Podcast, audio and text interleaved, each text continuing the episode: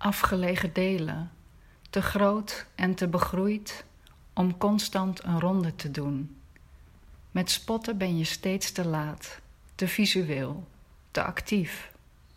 De passieve akoestieken, geknetter van cicaden, bedreigde gibbons zingen, het bonzen van het groen, van de regen al maar vallen, van de kikkers het dageraadkoor. En op de achtergrond het vage, vage, wijde plaag met de kettingzaag en de kapactiviteiten. De patronen, de iets wat eenkennige blaffer. Regenwoud is geen kinderwoord, het kleeft aan de bomen.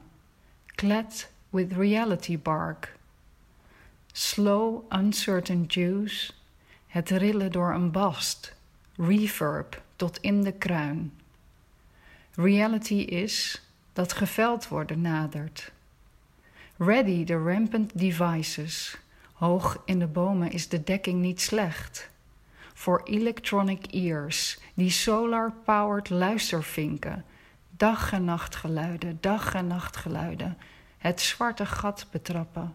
Morsen van een boom vertalen in straling. Locatie bij benadering. Het binnen de straal zijn van weideplaag. Cyberinfrastructure rokt voor je boom, rokt voor je boom. Razendsnel kouwen op die sampling, present of absent, de soort specifieke vrachtwagen en kettingzaag. Present means alert, de autoriteiten om real-time in te grijpen. Data van een left-hand cornerstone. Middle ear dweller, vibration consultant met chain-like manners zijn nu eenmaal meer waard dan het handgeschreven werk van de local. Van de reverber, van de reverb, van de beschermwaardige houtopstand, vanaf de uiteindes van vegetatie komt nu de oproep tot zwijgen. We thank all past and future members.